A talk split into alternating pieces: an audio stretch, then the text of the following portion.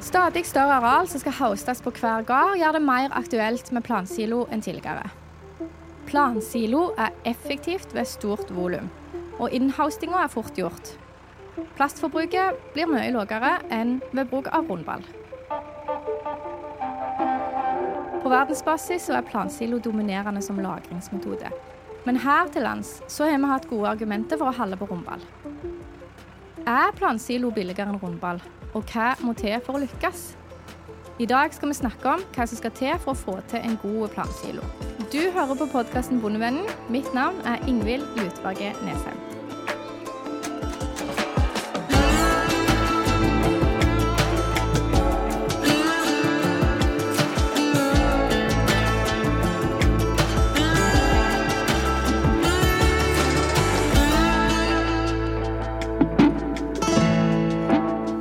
Podkasten Bondevennen blir presentert i samarbeid med Sparebank1 SR-Bank og Tveit Regnskap. Vi bidrar til at bonden lykkes. Det er lang tradisjon for å legge gras i silo i Norge. Før var det vanlig å bygge tårnsilo og bruke tyngdekraften til å presse sammen gresset. Du hører nå Magnus Haugland. Tårnsilo er blitt relativt dyrt å bygge og har ofte for liten kapasitet for store bruk, og sånn som fjos som blir brukt i dag, i én etasje, er det mer og mer vanlig med plansilo. Plansiloer kan være støypt, asfaltert eller på annen måte en fast konstruksjon. Helst bør det være sidevegger. Men det finnes også de som legger gresset i en stakk rett på bakken. Det siste det er en nødløsning.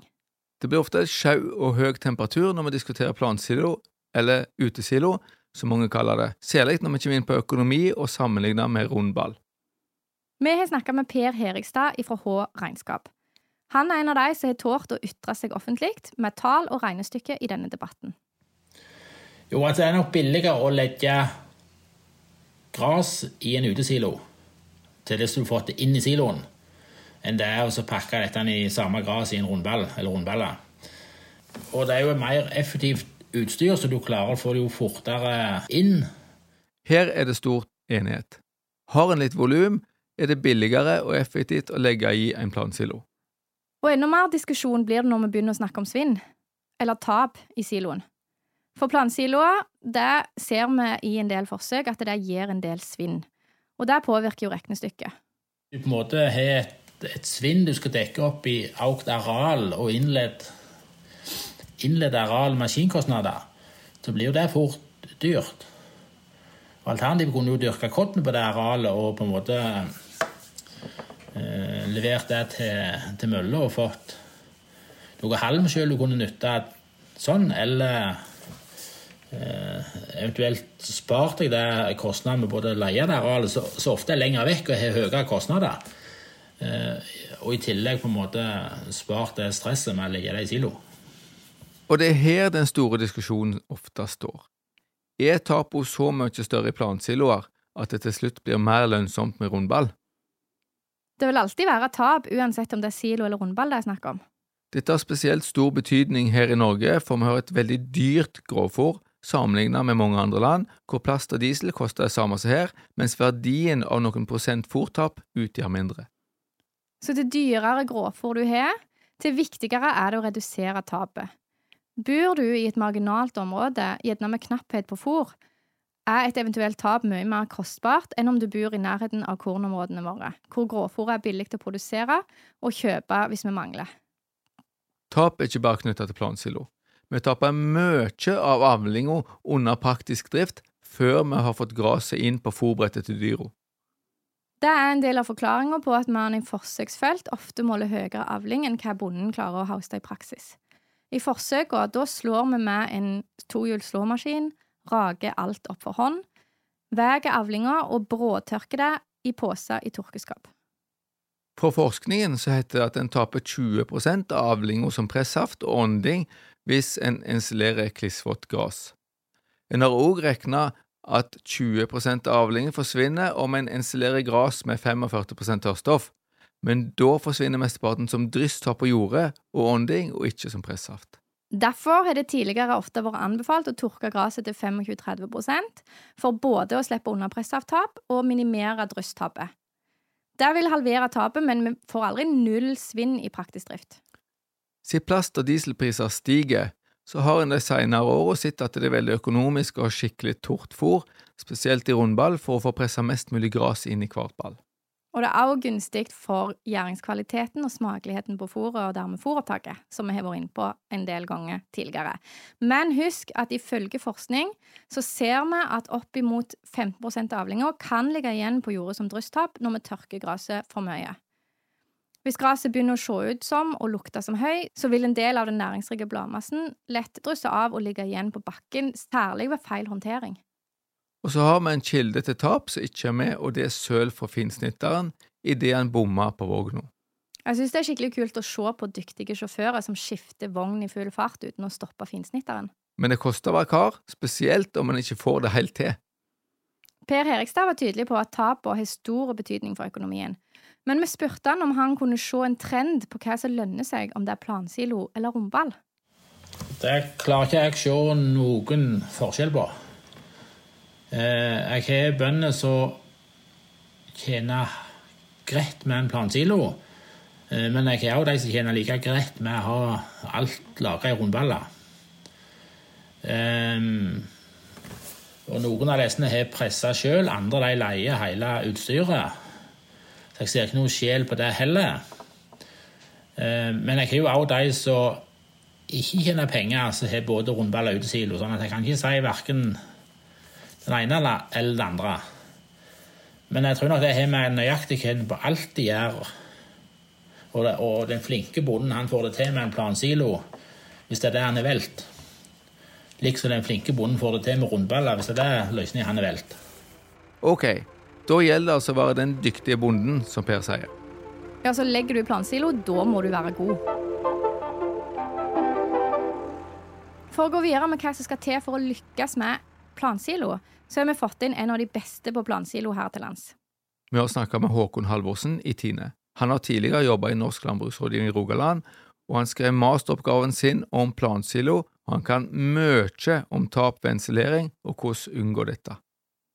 Når jeg skrev master i 2018, eh, så gikk vi jo litt inn i litteraturen da, for å finne ut eh, hva er vanlig tap av tørrstoff i en plansilo. da. Eh, og da er det jo litt sånn at det, det, det som jeg fant ut da, det var at det varierer veldig mye. Eh, en del studier, så samlestudier, da, som ser liksom på eh, tar, tar for seg eh, mange forsøk, og så samler det. Så var det annet én studie som viste tap fra 0% til 43% Og gjennomsnittlig tap var 8% av tørrstoffet var tapt. Eh, andre anbefalinger ligger mellom 11 og 25. Eh, litt nyere forskning, eh, der de gjerne har hatt en veldig god ensileringspraksis og et stort uttak, så har de funnet et, et maksimalt Altså de antyder et maksimalt tap av tørrstoff på 8% hvis du har de gode rutinene, da. Men det finnes jo enkeltstudier som viser under 3% i tap. Så, så det, det, det, er at det varierer så vanvittig, uh, det, det tørrstofftapet, så det blir liksom litt som å spørre hvor langt Når du spør liksom uh, ja, hvor mye tap er det i en plansilo, blir det liksom hvor langt det er tau. ikke sant? Altså det varierer for så mange andre faktorer. Da. Mange ytre ting som påvirker det. Det er jo gjort litt forsøk eh, i Norge nå de siste åra på, eh, på plansilo og, og på rundball. Og det som de har funnet så langt da på eh, to der, altså to år etter hverandre, eh, så har de funnet det at, eh, at i plansiloer så er det ca. 14% tap i de plansiloene som ble høsta under norske forhold, og det ble høsta rundballer parallelt. Og i de rundballene så ligger vi ifra eh, 6 til 8 tap. Så, så, det er en ganske store forskjell i tap her. Og det er jo noe som de ser at eh, det er omtrent likt som forsøk som er blitt gjort tidligere. da. At, eh, at tapet er større i, i en plansilo enn i rundball. Og det som har vært utsagnet da, etter disse her forsøkene har blitt gjort, da er jo det at du skal være, du, du, du skal være du, du skal være en god håndverker, eh, men det krever, det krever at, du er, at, du er, både dyktige, men om at du har litt flaks eh, for å komme under 10 tap av tørrstoff i en plansilo. Da. Eh, og det er jo noe som vi ser på som helt vanlig eh, i en rundball, og helt enkelt å oppnå rundt 5 tap i, i, i rundball. Tapet som Håkon snakker om her, er altså tap etter at fôret er kommet i rundballen eller inn i plansiloen.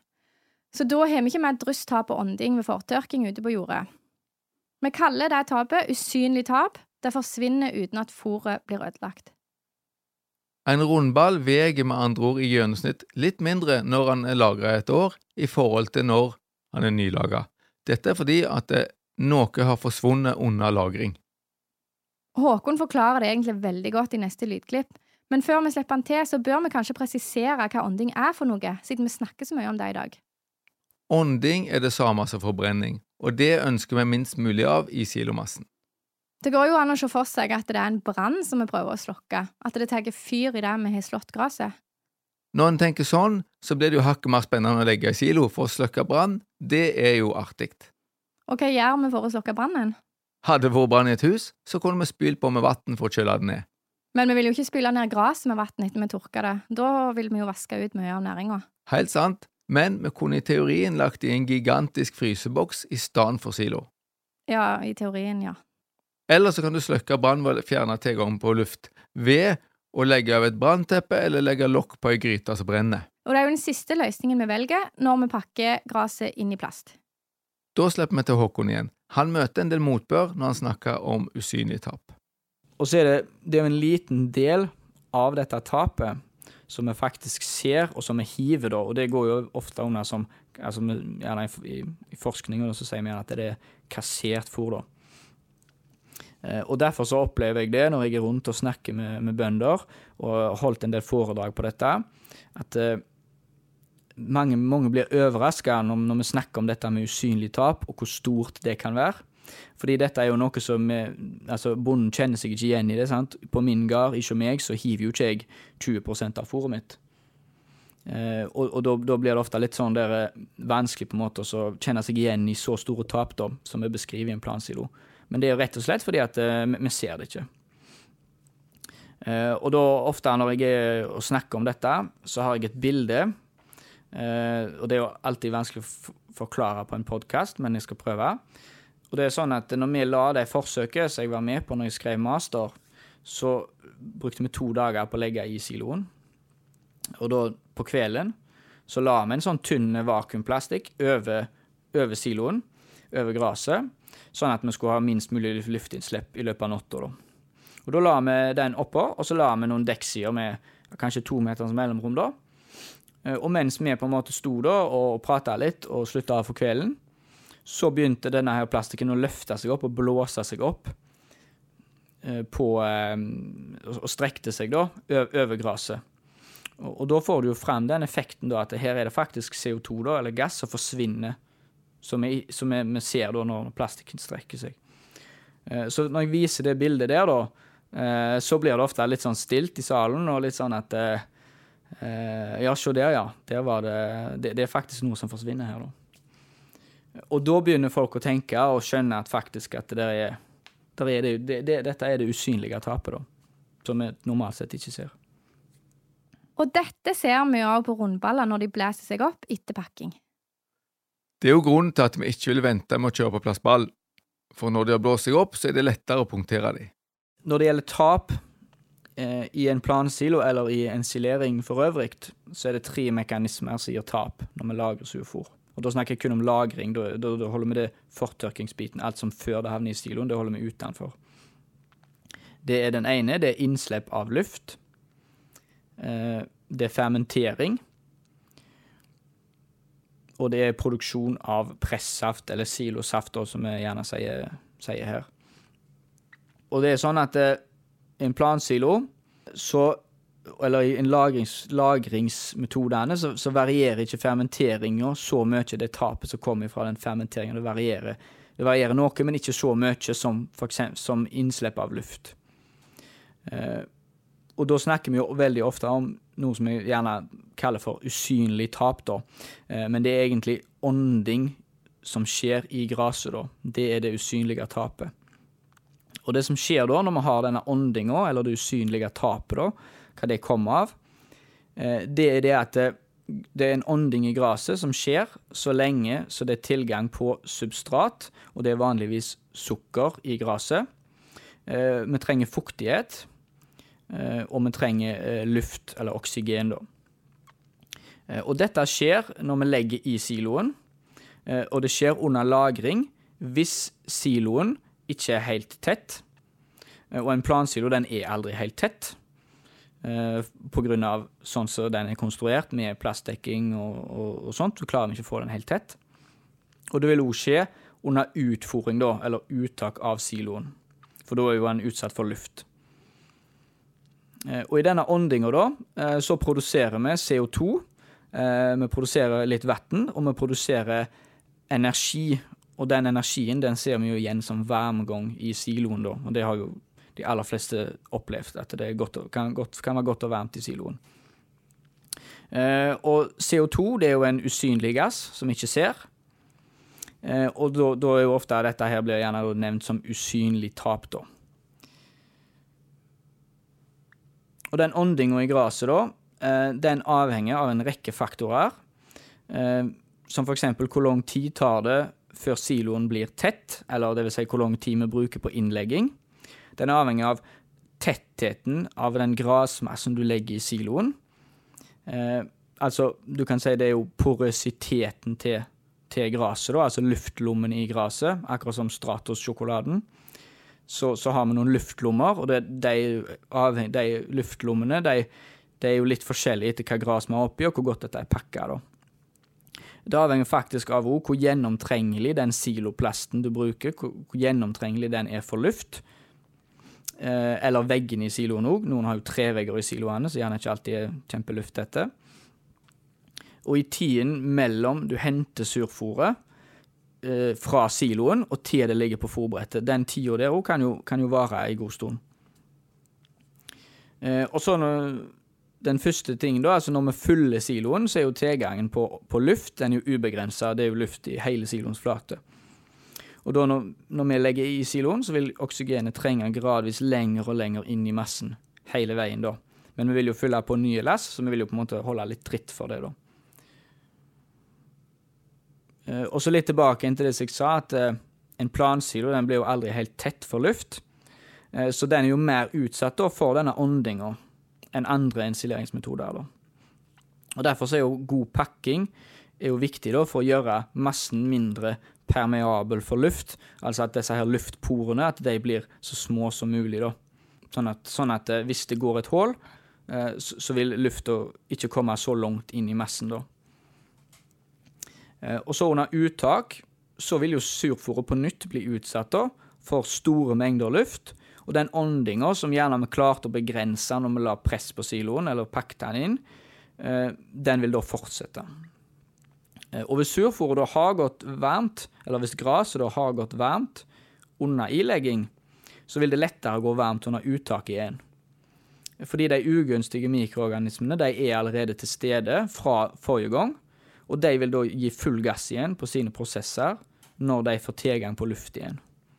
Plansiloer hvor snøen aldri legger seg, det er alltid et dårlig tegn. Vi får ofte henvendelser fra fortvila bønder som sliter med varmgang i siloen, og det gjelder ikke bare plansilo, men òg i tårnsiloer. Det handler om å pakke godt nok, sånn at vi får ut lufta. Tidlig slått, bladrikt gras er enklere å pakke enn seint slått, stråstivt gras. For å få ut lufta og grasmassen, så bruker en tunge traktorer, eller enda tyngre, hjullaster for å trakke i siloen. Håkon var med på et pakkeforsøk når han skrev masteroppgaven sin. Uh, I det forsøket som jeg var med på da, når jeg skrev masteroppgave, da undersøkte vi eh, forskjellen i surfokvalitet mellom pakking med hjullaster og pakking med traktor. Og da var det jo sånn at Hjullasteren var jo betydelig tyngre enn traktoren. Den var 14 tonn, og traktoren var 8 tonn. I tillegg så hadde vi rundballer som et slags sånn kontrolledd. Eh, rundballer som var press med høyt eh, trykk, kammertrykk på pressa, og lågt eh, kammertrykk da, for å få den samme effekten. Da. Og litt for å sammenligne med rundballene. Eh, og det som vi fant ut da, det var at hjullasteren den ga en, en høyere volumvekt i siloen når de brukte like lang tid på å pakke. Og det skyldes jo selvfølgelig at hjullasteren har et høyere marktrykk og en større egenvekt enn traktoren. Eh, og den andelen surfôr da, som vi måtte kassere, den var, var større i de plansilene som var pakka med traktor. Eh, og, det, og, pakking med hjullaster det ga litt mindre forekomst av smørsyresporer enn komprimering med traktor. Eh, gjæringskvaliteten den var god i begge siloer, og det var små forskjeller. Utenom de tingene som jeg nevnte nå før. da. Eh, og det kan jo da skyldes, eller det som vi konkluderte med da, var at eh, forskjellene i volumvekt og porositeten mellom, mellom pakkemaskinene de var ikke store. Eh, det var litt forskjell, altså litt favør der, men de var ikke store. Eh, og volumvekta, da, for, for, begge siloene som var pakka med ulikt utstyr. De var i henhold til andre anbefalinger som ble gjort før, da, at dette skal fungere og gi en god gjøringskvalitet. Eh, og Sammenligna med, med, rundballer da, så ga plansilene noe lavere pH, eh, mindre sukker, og det ga mer kassert surfor enn rundballene. Forsøket viste at både traktor og hjullaster fungerer i siloen, men hjullasteren ga her litt bedre kvalitet. Håkon sier ellers at det er viktig med tungt nok utstyr når grasmassen er lite pakkevillig, altså tort og eventuelt stivt gras. Men som gras er mjukt og fuktig, så vil en normal traktor gjøre en like god jobb. Og så legger man jo godt med lodd på traktoren og blåser inn høyt trykk i hjula. Ja, for høyt trykk i hjula, det gir bedre pakking. Det er jo det motsatte av hva en ønsker på jordet, hvor en vil ha lågt trykk i hjula for å redusere jordpakkinga. Er gresset blaut, så vil en tung julehøstdag kunne presse ut mye silosaft og dermed gi mer tap.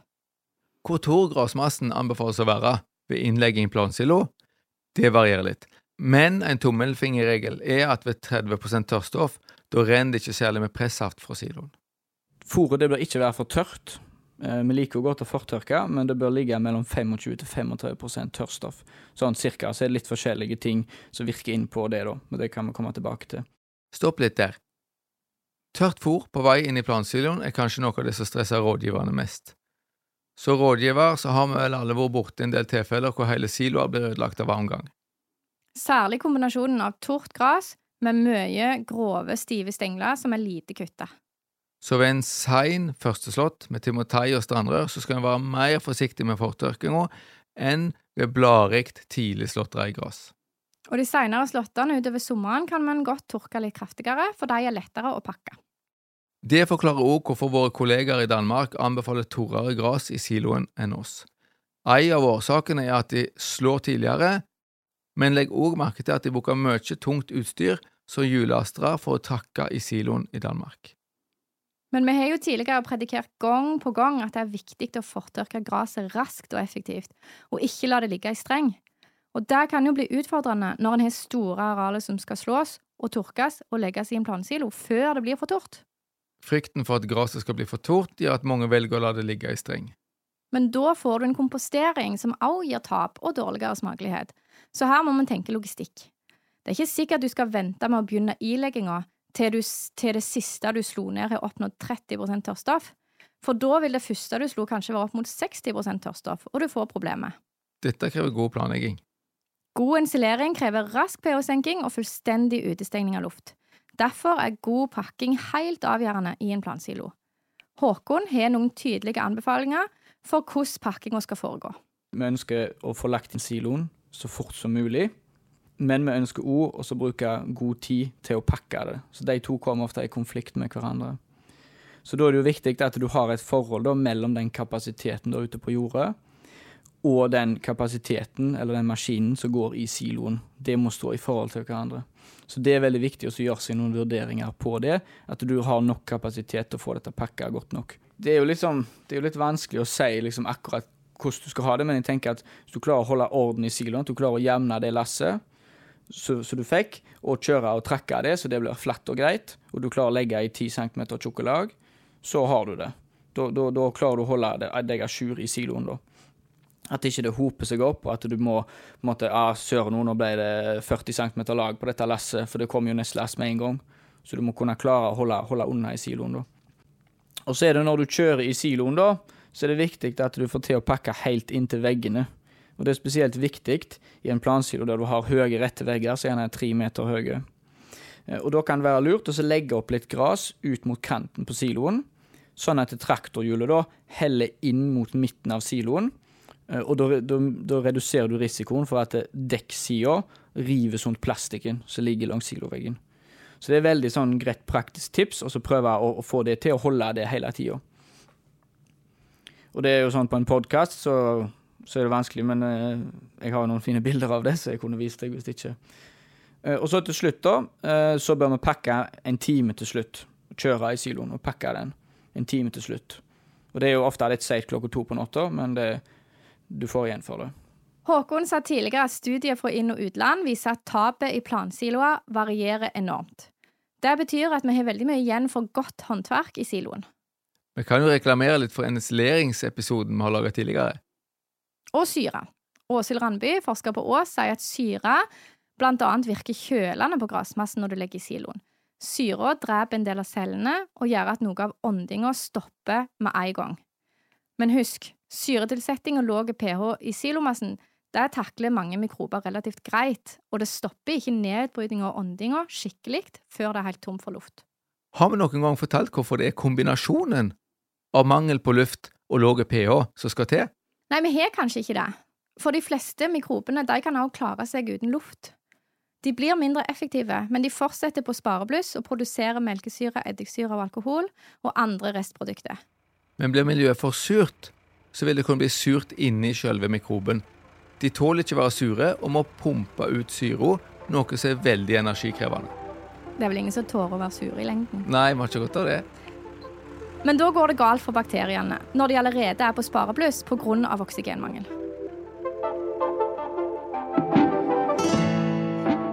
Denne episoden er sponsa av Felleskjøpet Rogaland Agder.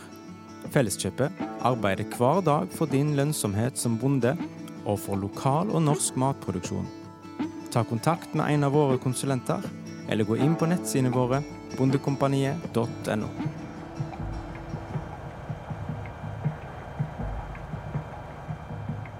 Det er mange ting som skal til for å få minst mulig luft i grasmassen. Vi ønsker en god kutting og knusing av massen. Da er finsnitter foretrukket. Lessevogn kan eh, gå bra, det òg.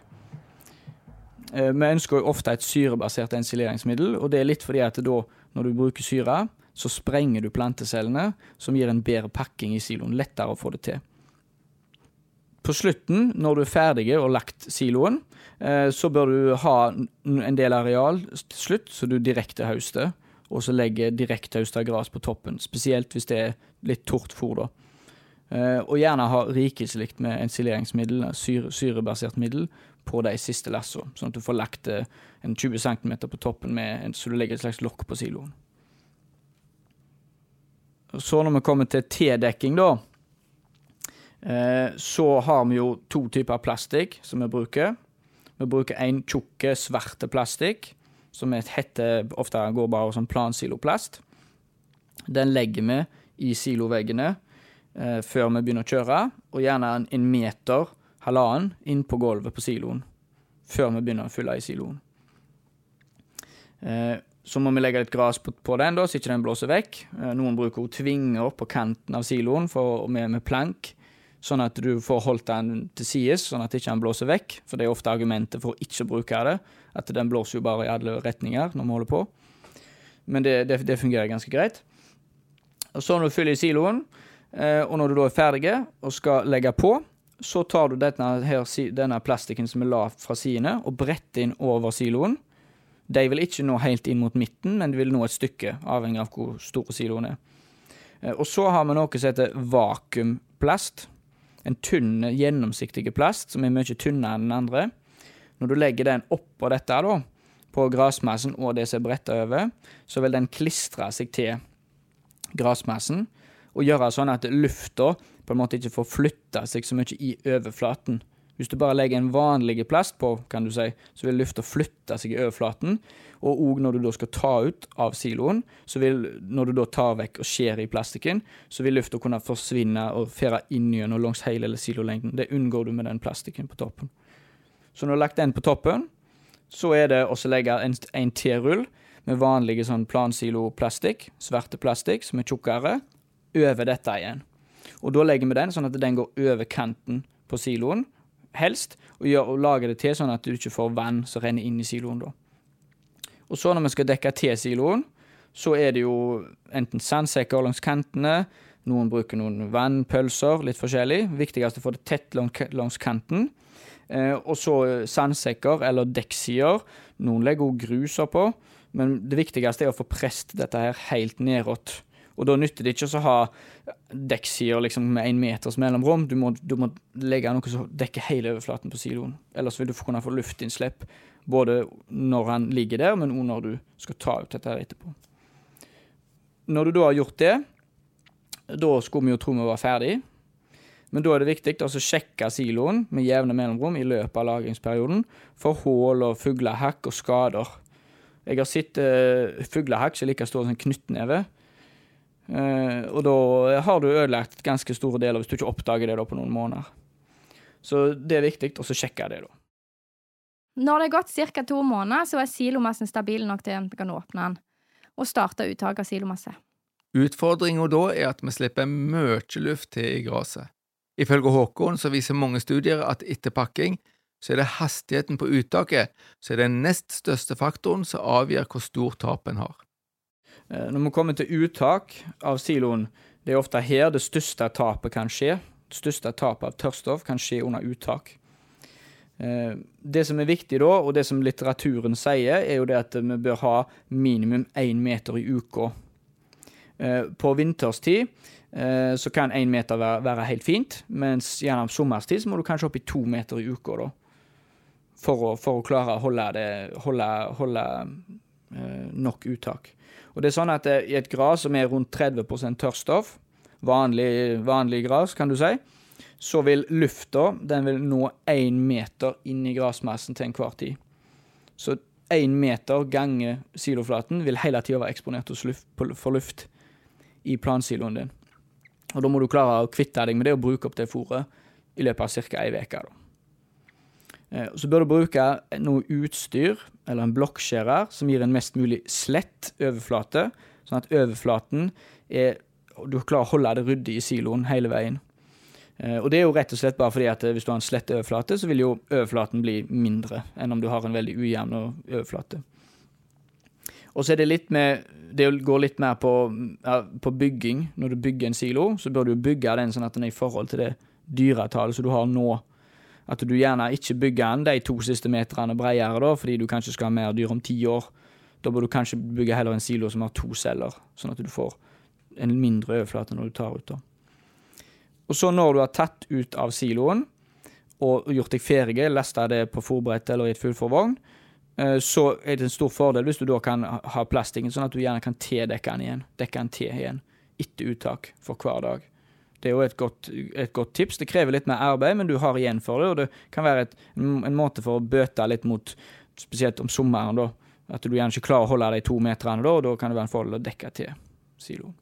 Men det er jo klart at det, eh, hvis du lar eh, siloen stå uh, utildekka, da, og du lar uh, det stå en del gras som blir regna på, og det, spesielt hvis det gresset gjerne er greit fortørka, altså over 30 tørrstoff, så vil du jo få en utvasking av det gresset og det næringsholdet i det gresset med mye regn. Det vil du jo gjøre.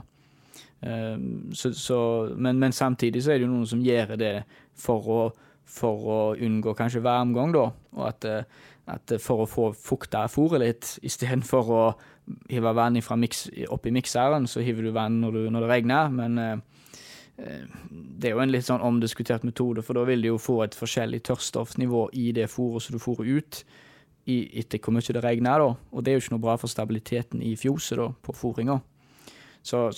men det kan være en ting da for å, for å bløte opp det gresset og gjøre at du får mindre luftlommer i gresset, da. Så det kan være en metode, men du risikerer litt utvasking da, av næringsinnhold når du gjør det på den måten. Utvasking fra stuen i plansiloer det er òg et forurensningsproblem om vi ikke får fanga det opp, dette næringsrike vannet. Men husk at også rundball kan gi problemer med avrenning. Hvis de er pressa med under 30 tørrstoff, så må de ikke lagres sånn at de kan gi avrenning til vassdrag. Så er det noen spørsmål utenom det økonomiske Er dette noe for deg, eller kan du like godt fortsette med rundball? Det som vi konkluderte med da, til slutt, er jo det at eh, det er mulig å produsere surfòr av god kvalitet òg i en plansilo. Men sammenlignet med rundballer, så er tettingen av surfòrmassen den er vanskeligere og mer arbeidskrevende. Eh, og når plastdekkinga ikke er perfekt, så kan dette påvirke den hygieniske kvaliteten i fôret. Eh, spesielt på utsatte punkt, sånn som i skuldrene på siloen og på toppen. Og hvor mye surfôr du da må kassere. Eh, og hvis du bruker en lettere pakkemaskin eh, som gir eh, mer luftlommer i, i grasmassen, så er det enda viktigere med en god tetting og en god tedekking, da. Så plastdekkinga den er utrolig viktig, og den er viktig at du, at du legger sjela di og bruker tid på. Litt det som vi snakket om før. Og så er det jo sånn at når vi sammenligner plansilo og rundball, som gjerne ofte blir det, du vurderer hvis du skal eh, Hvis du skal oppgradere høstelinja di, så er det gjerne de to tingene du ser opp mot hverandre. Og den største forskjellen da er jo det at eh, en, rund, en, en rundballpresse den pakker inn eh, eller pakke inn gresset helt likt. Om det er far i huset eller odelsgutten eller jenta som kjører pressa, så blir det pakka inn på nøyaktig samme måte. Så så lenge du klarer å få de rundballene der Eh, på en, en, god lagringsplass uten å lage hull i de, så er det standardopplegg hele veien. Mens på en plansilo så har du veldig mange flere faktorer eh, og ting som du må gjøre på rett måte for å få et godt resultat. Så det krever mer av deg som bonde, da. Og, og, og det krever at du, du, vet litt mer hva du holder på med, enn om du, bare, enn om du kjører ei presse opp, og det blir pakka inn likt for hver gang. Du må, være, du, må, du må, være, en litt bedre håndverker når du holder på med, med, med plansilo de som gjerne eh, bør satse på plansilo, eller det er jo mange som vurderer det, eh, men de som, bør, de som bør satse på plansilo, det er jo gjerne de som eh, legger litt sjela i ting fra før, og gjerne har litt eh, Hva skal du si, da? At de har litt eh, eh, sans for orden og, og, og så litt, litt struktur. og, og, så er det jo viktig at de, de er innstilt på at dette skal gå fort dette er, dette, være, dette er, en logistikk som skal gå opp på en helt annen måte enn når du presser rundball. Du bør legge i den siloen i løpet av en dag, aller helst. Så den logistikken og den mengden folk og alt dette her som skal inn, det må du klare å håndtere og, og, og koordinere på en god måte. Eh, du, du, må være villig til å legge det, det, krever jo som sagt litt mer innsats, så du må være villig til å legge en god del mer innsats, og da er det jo spesielt da når siloen er Eh, lagt. Eh, klokka er ett på natta. Eh, da skal du begynne å legge på denne siloen. Da reiser entreprenøren, og, det, og, det er gjerne en del av de som har vært med og kjørt, da, da stikker de hjem og legger seg, men da skal du til å legge på denne siloen. Og, og det er jo litt viktig at det blir gjort på en skikkelig, skikkelig måte, da. Så, så det, det, krever litt mer enn å sitte og kjøre rundballer den siste timen på natta. Så, så det, det, krever litt mer av deg som, som, bonde, da, og da må du være innstilt på å legge ned den ekstra innsatsen. Eh, og gjerne de som ikke, ikke eh, skal, skal, gå for det, det er jo litt mer hvis du, hvis du gjerne bruker lang tid på slåtten, du har veldig mye forskjellige teiger, sånn at den logistikken som jeg nevnte, at kanskje den blir vanskeligere å få til. Uh, og så gjerne hvis du ikke har så stort volum av fôr. Kanskje, kanskje, kjøper du 40% av det fôret så du, du, bruker. Eh, da blir jo det innsparinger og en stordriftsfordel du får med en planside, blir mindre da enn om du f.eks. har mye areal og du disponerer alt arealet og dyrker alt fôret ditt sjøl. Eh, og, så, så, så, må du være innstilt på å legge ned det ekstraarbeidet. Du, du, du, du kommer ikke ifra dette her på noen god måte hvis du, hvis du slerver det ifra deg, eller på en måte ikke legger ned den siste innsatsen på det da, da, da, da, har du ingenting igjen for å, å, holde på med dette. Da er det mye mer igjen for å, å drive med pressing, sånn som du f.eks. hvis du gjør det i dag, eller tårnsilo for den del. Eh, og de som, de som, bør gå for plansilo, eh, så er det jo det at da har du gjerne en litt litt, areal som skal i hus, og litt, litt mengde fôr. Eh, og da jo, vil jo den innsparinga på å bytte system, hvis du får det godt til, den vil jo være mye større da, eh, hvis, du har, eh, hvis, du har, en god del areal, da, enn om du har min, mindre areal. Da.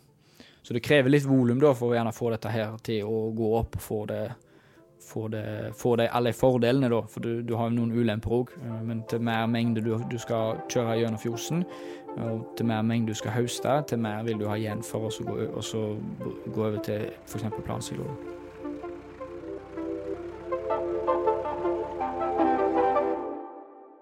Vi har snakka med en sånn bonde som Håkon beskriver, nemlig Knut Ole Matre i Vestland fylke. Jeg syns det er veldig fornuftig. Jeg baller sjøl en god del da, på, på, små skifter, og syns det er greit å bruke ball på sommeren. Men uh, jeg vil aldri tilbake igjen til ball etter å ha hatt plansilo og fôret liggende rett ut forbi fjordstøra i, i mange år nå. Det er helt suverent. Og det andre jeg syns er positivt med plansilo, og spesielt snitta gress i plansilo, er at eh, det er så fantastisk inn på fòrbrettet. For det, dyra drar ikke inn. Eh, fullfòrblander og, fòrutleggere lever et veldig fint liv men den massen. Jeg, jeg eh, anslår at du dobler levetida på, på en fullforblender med snitta gras kontra baller. Og når uh, i en ny, moderne robotfjos koster én million, så er det penger, det òg. Gode argumenter som ikke blir tatt med i den debatten sånn ifra jordet til silo, da, for det kommer noe etterpå òg, liksom. Det som vi gjør på den ene dagen i Slåtten, det er at vi kjører alt team. Og da har du ingen håndtering av å hente ball hver dag hele vinteren. Så det, det er òg en ting som en må ta med i beregninga, da. Det er mye styr når det står på, men uh, da er det liksom gjort. Så. En del av arealet vi driver rundt her, er, egner seg best til rundballer. Og rundballer kom for å bli.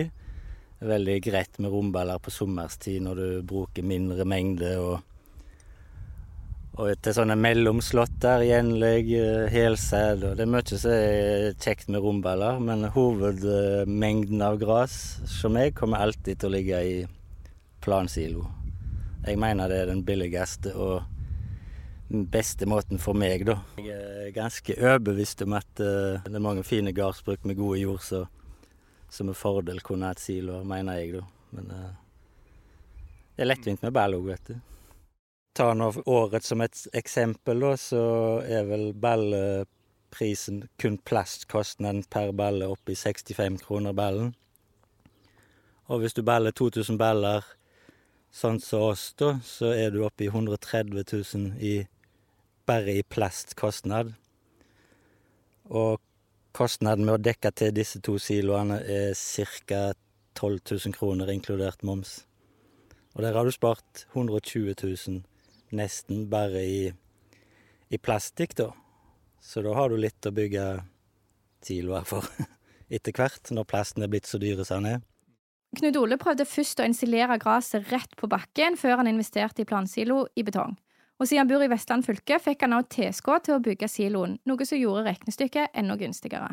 Det er jo klart det er jo mye bedre å ha det i betongsiloer. Du har kontroll på avrenning, og det er lettere å få kvaliteten sånn som du vil ha den med, med pakking på siden og sånt. Men vi fikk det til å fungere greit med bakkesilo òg, altså. Men det er jo klart det blir Spesielt på bakken, da, hvis du ikke har oppgrusplass og, og lasagnejord, så kan det bli litt grisete når du tar ut. Men eh, det er liksom en fin måte å komme i gang og få teste om det er noe for deg og, og sånt, da, med å gjøre det på den måten. Slipper du den store investeringen før du er sikker, liksom. Så hvis en vil ha, eh, syns dette fungerer og, og, vil ha, så er det bare å bygge siloer. Innovasjon Norge støtter siloer her.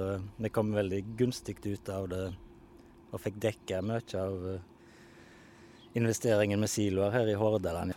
Vi fikk 30 av kostnadsoverslaget. Så.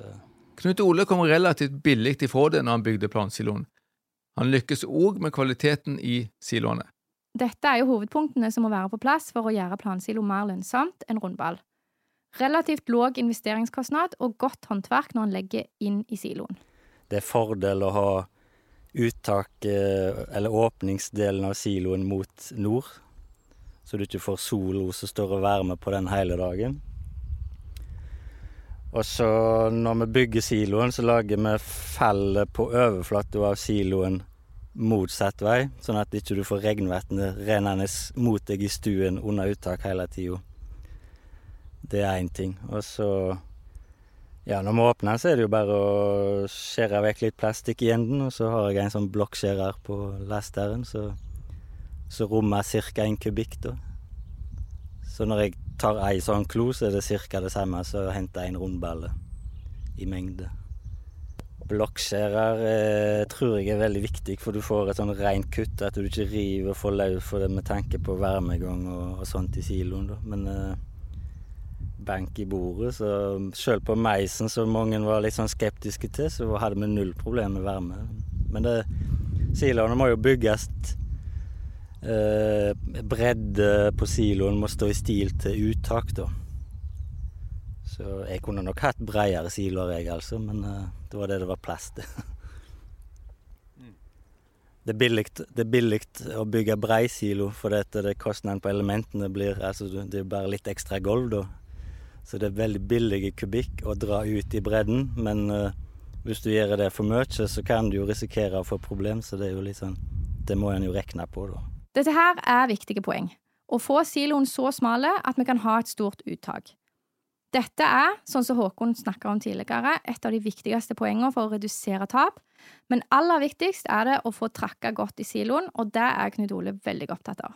Det er viktig eh, når du skal legge plansilo, om det er i betongsilo eller rett på bakken. Det er nummer én trekking, nummer to trekking og nummer tre trekking. Det er rett og slett at det går minimum én traktor, og den må være tung nok etter frem i siloen hele dagen mens en kjører. Det, det, er liksom det viktigste av alt. Det er mest viktigere enn å holde unna på snitteren, liksom. Selv om det, du føler at den er dyr i timen og du må ha Men uh, klarer du ikke å holde unna i siloen, så skyter du deg sjøl i leggen, for det liksom Det er jo kvaliteten og sluttproduktet du er på jakt etter, så Trekking er viktig. Det, det må trekkes. Men jeg, vi har én traktor og lodder den litt ned og kjører med steinsvens etter frem hele dagen. og det, det, er en kjedelig jobb, men det Han har lite skjemt fôr, og jeg spurte han hvordan han gjorde med plasttildekkinga i praksis. Nei, vi begynner dagen med å henge plast på, på veggene på siloen. Uh, på hver side. Og, så, og den henger helt ned til gulvet og litt innpå halvmeter innpå gulvet. Og så kjører vi siloen eh, full. Og så triller vi ut eh, en sånn tynn folie. Og så bretter vi inn de to sidene. Så da har du i prinsippet tre lag med plastikk oppå siloen. Og så bruker vi Men det er litt forskjellig hva folk bruker. Men Jeg liker å bruke veiduk oppå, så legger jeg sånne dekksider.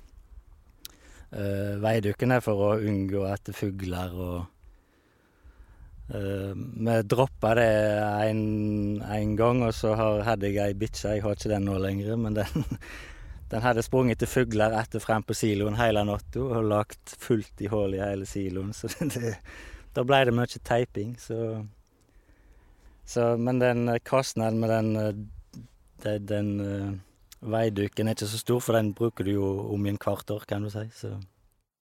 Fuglehund som tar knekken på plasten, det var et nytt argument for rundball.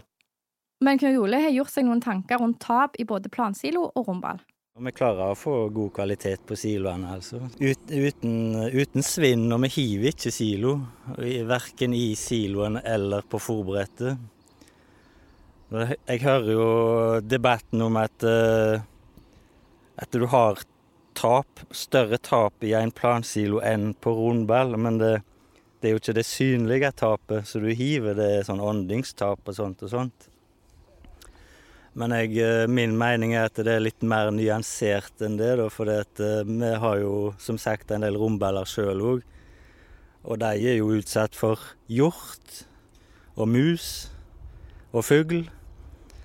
Så å si at romballer har et tap på 2% og plansilo på 6-7-8 det, det er ikke alltid rett. For det, det, er utfordringer med rombeller på det området òg, om det ikke er akkurat på samme måten, på en måte. Jeg vil gjerne si at jeg er enig i hans poeng om tap i rundball. Norsk landbruksrådgivning får henvendelser fra bønder som får ødelagt rundballer for hundretusenvis av kroner av mus som eter plasten i bunnen, hjort som heter hull i sidene, og fugl som hakker hull i toppen på rundballene. Men skal vi si at Knut Ole fikk siste ord i debatten for denne gang, og at vi går inn for landing? Ja, oppsummer du. Gårder med stort grovfòrvolum vil kunne gjennomføre slåttene raskere og billigere med plansilo enn med rundballing. Men hvis plansiloen blir dyr å bygge, samtidig som man er mye tap i siloen, så vil det ofte være mer lønnsomt å fortsette med rundballer. For å redusere tapet i plansiloen så viser forskninga at det er god pakking og stort uttak som er viktigst. For å få til god pakking er det en fordel med tidlig slått bladrygras og syretilsetning. Gresset bør ikke være for tort, og det bør være godt oppkutta, helst i finsnitter. Nok tid i pakketraktoren er avgjørende, og er gresset tort, så er det viktig med tung nok pakketraktor. Uttaket må være stort nok, minimum én meter per uke og gjerne oppi to meter i uka på sommeren. Til slutt må jobben med tildekking og plast gjøres skikkelig, med vakuumplast oppå silomassen og plansiloplast langs vegger og over vakuumplasten. Husk at oppå må det legges veiduk eller annen sikring mot fugl og dyr. Plasten skal dekkes så tett med dekkside eller sandsekker at vinden ikke klarer å riste i plasten og dermed pumpe inn luft. Du har hørt på podkasten Bondevennen. Mitt navn er Ingvild Luteberget Nesheim, og jeg er rektor ved Vinterlandbruksskolen i Ryfylke. Mitt navn er Magnus Haugland. Jeg er lærer ved Vinterlandbruksskolen og rådgiver i Norsk landbruksrådgivning Rogaland. Har du spørsmål eller tilbakemeldinger til oss, så blir vi veldig glad hvis du sender en e-post til podkast.bondevennen.no. Episoden er spilt inn i ABC Studio i Etne. Lyd ved Stig Morten Sørheim.